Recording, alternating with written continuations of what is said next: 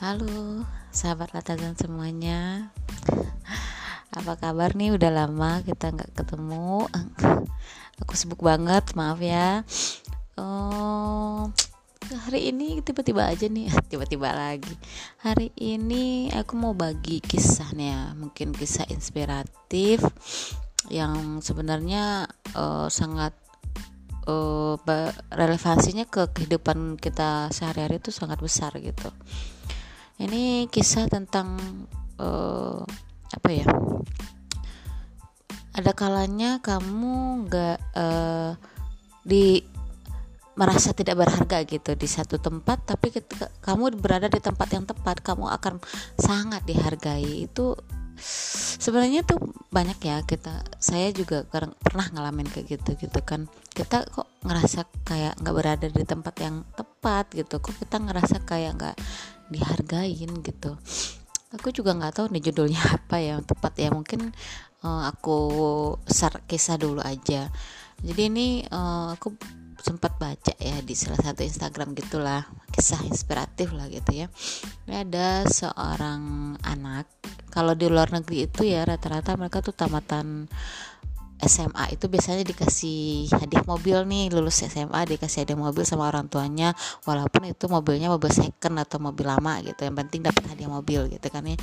Nah ada satu anak ternyata tuh bapaknya tuh udah beliin mobil dia tuh udah lama. Oh, beberapa tahun dia sebelum lulus tuh udah dibeliin ditaruh aja gitu di garasinya kan. Nah begitu lulus uh, dia bapaknya sudah ngambil tuh nih mobil hadiah kamu ada di garasi tadi itu kan. Terus pas anaknya lihat tuh dikaget kok mobilnya udah usang gitu ya? Nggak kerawat gitu kan. Orang bertahun-tahun ditaruh di garasi gitu aja gitu kan. Apalagi mobilnya mobil second gitu mobil lama gitu kan. Nah terus bapaknya bilang gimana? Kamu pakai enggak ya mobilnya udah usang ya kata dia gitu kan udah kayaknya nggak tahu dia udah bekerja masih bekerja bagus apa enggak gitu. Ya udah solusinya kamu tawarin aja dulu kalau nggak ke pegadaian nanti ganti mobil baru gitu kan. Akhirnya pergilah anak ini nawarin mobil itu ke pegadaian.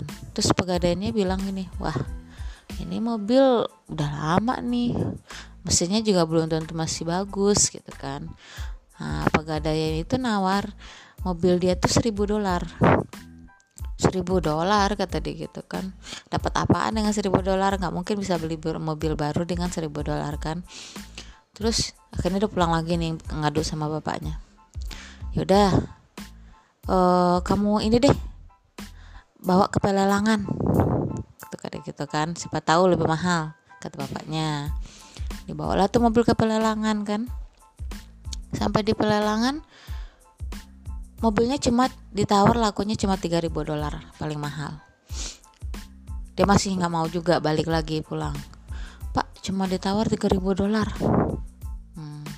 akhirnya bapaknya bilang gini kamu cari klub mobil dengan merek ini. Saya nggak mau nyebutin nama mereknya ya. Dengan mobil merek ini bawa ke klub mobil tawarkan mobil ini sama mereka akhirnya dicarilah sama anak ini kan klub mobil dengan merek mobil yang dia punya gitu kan. Ternyata pas dia pulang dia ngasih bapak ngasih tahu bapaknya dengan senang hati bahwa mobilnya itu ditawar 100 ribu US dollar. Ternyata mobil dia itu keluaran lama antik yang lagi dicari gitu. Yang lagi dicari sama penggemar kolektor kolektor mobil merek itu gitu kan Nah, di situlah bapaknya ngasih nasihat sama dia. Dari sini kamu bisa menarik pelajaran apa, gitu kan, kata bapaknya. Uh, dia anaknya masih belum tahu nih makna dari tujuan bapaknya nih nyuruh dia pergi ke beberapa tempat untuk nawarin mobil ini gitu kan kata bapaknya gini kamu jangan memaksakan tempat yang kamu datangin itu untuk selalu menerima kamu atau menghargai dengan harga yang kamu harapkan. Karena belum tentu tempat itu sesuai dengan keahlian kamu, sesuai dengan apa yang kamu punya. Tapi bisa jadi ada tempat lain yang memang tepat untuk kamu, yang mungkin bisa menghargai, mengapresiasi kamu lebih baik, karena memang mereka membutuhkan keahlian kamu. carilah tempat yang tepat untuk itu kata bapaknya jadi kita intinya sih kalau yang aku nanggep ya kita misalnya nih kerja nih di satu tempat terus kita ngerasa kok gua nggak kayak nggak dihargain gitu ya. Terus kok gaji gue nggak sesuai ya gitu kan dengan uh, skill gue gitu kan. Nah kita nggak bisa nuntut perusahaan harus menghargai kita sesuai dengan apa yang kita pengen kita ngerasa nggak dihargai perusahaan mungkin kitanya yang salah memilih tempat gitu dengan skill kita mungkin perusahaan itu sebenarnya skill yang kita punya itu bukan itu skill utama yang mereka cari gitu. Tapi bisa jadi skill yang kita punya sangat dibutuhkan di tempat tertentu yang mungkin akan mengapresiasi kita lebih baik gitu. Jadi eh, sahabat latazan ya, di sini sebenarnya juga pelajaran juga buat aku kan. Aku kadang-kadang sering gitu dilema gitu kan. Nih sebenarnya gue dari tempat yang tepat belum sih gitu kan kok gue ngerasa uh, apa yang gue udah kerjaan tuh apresiasinya kok nggak nggak sesuai ya gitu kan kok nggak tapi uh, di sini kita jangan nggak bisa gitu menuntut oh perusahaan kok gini ke gini. Kalau kita nggak bisa menuntut perusahaan harus mengikuti dengan standar kita. Karena apa? Mereka juga punya standar sendiri. Kalau kita nggak bisa menyesuaikan standar uh, tidak sesuai dengan standar mereka ya mau nggak mau kita harus mencari apa yang sesuai dengan standar kita. Nah itu pilihan gitu kan. Uh, ini pendapat aku pribadi ya sahabat Latazan gitu. Karena sering banget ya aku ketemu gitu kan ketemu beberapa teman gitu kan yang mengeluhkan kejadian seperti itu. Kalau aku pribadi terus terang memang saat ini aku tujuan aku beda gitu. Mungkin visi misi hidup aku berbeda mungkin dengan beberapa teman yang memang uh, karir mereka berharap karir mereka yang lebih baik dengan apresiasi yang lebih baik gitu kan. Aku sangat menghargai ya semangat kayak gitu.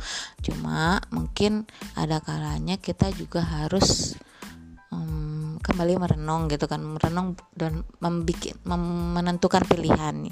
Karena apa? Hidup itu memang pilihan. Allah juga memberikan kita menjadikan kita manusia untuk bisa berpikir dan bisa menentukan pilihan.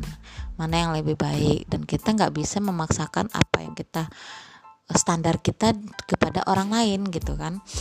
Seperti yang kisah ini di pegadaian dia cuma dihargain seribu. Karena di pegadaian ya mereka nggak menilai uh, ini benda antik atau benda apa benda unik atau benda langka mereka cuma melihat nih mobil terus keluaran berapa gitu kan harganya udah seribu dolar. Terus ke pelelangan ya mereka juga nggak terlalu memperhatikan gitu kan kayak kolektor itu gitu kan nih merek ini langka merek ini antik atau gimana mungkin pelelangan siapa yang punya duit lebih sanggup sanggupnya gitu kan. Nah beda ketika dia masuk pergi ke tempat yang tepat memang mobil itu lagi dicari gitu kan kayak klub mobil itu lagi nyari eh, kolektor mobil itu lagi nyari mobil merek itu keluaran tahun itu dan itu sangat berharga dan langka bagi mereka dan mereka sangat mengapresiasi mobil itu walaupun mobil itu mobil lama gitu kan. Dan mereka bisa menghargai dengan 100 ribu eh, dolar dan itu berkali-kali lipat dari yang dihargain oleh pegadaian dan pelelangan itu. Nah di situ intinya ini pelajaran juga buat kita semua terutama buat aku ya sahabat Atazan uh, sebenarnya banyak gitu aku ketemu banyak teman gitu yang mengalami dilema seperti ini. Mereka merasa kok gue kerja kok nggak ada ininya nggak ada perkembangannya di perusahaan ini kok perusahaan nggak ngehargain banget gue gitu kan. Ya kalau prinsip saya kalau kamu merasa masih bisa mencari standar sesuatu tempat yang menurut sesuai dengan standar kamu udah hijrah lah gitu. Rasulullah juga menyarankan kita seperti itu. Ke kita kita mentok di suatu tempat cara terbaik lah hijrah.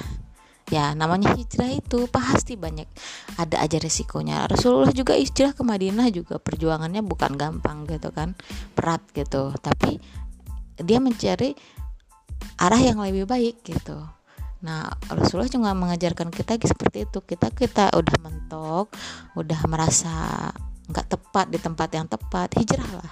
Carilah tempat yang lebih baik dengan niat yang baik gitu. ini sekilas nih setelah aku nggak basa-basi babi ibu babi ibu ya babi ibu babi ibu babi ibu babi ibu lagi uh, sahabat Latazan aku nih orangnya gini jadi tiba-tiba aku dapat inspirasi aku takut lupa aku pengen share sama sahabat Latazan semua gitu kan siapa bermanfaat gitu. Karena terus terang podcast ini bukan rutinitas rutin aku ini cuma sekedar sharing baik untuk pribadi dan teman-teman yang mau mendengarkan dan sharing hal-hal yang inspiratif yang mungkin bisa memberikan semangat gitu kan karena apa sehari-hari kita ada aja gitu kejadian-kejadian seperti itu? Saya aku juga ngalamin gitu kan dan ketika aku mendapatkan kisah-kisah seperti ini aku berharap bisa bagi juga nih sama teman latasan semua. Uh, siapa tahu bisa memberikan inspirasi gitu kan.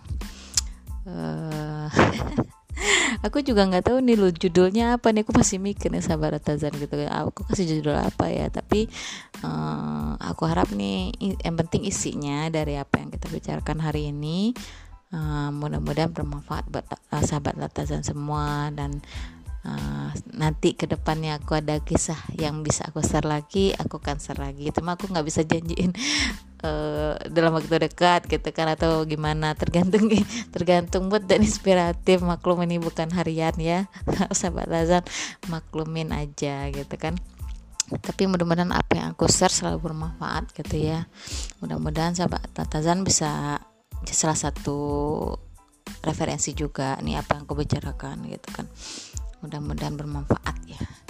Jadi sampai di sini dulu sahabat Altaza nanti aku kembali lagi dengan kisah-kisah atau uh, ide-ide atau apalah cerita apa aja lah ya. Nanti aku akan kembali lagi. Mudah-mudahan sahabat Razan masih setia gitu menjadi sahabat aku di sini gitu kan. Oke deh sahabat Razan assalamualaikum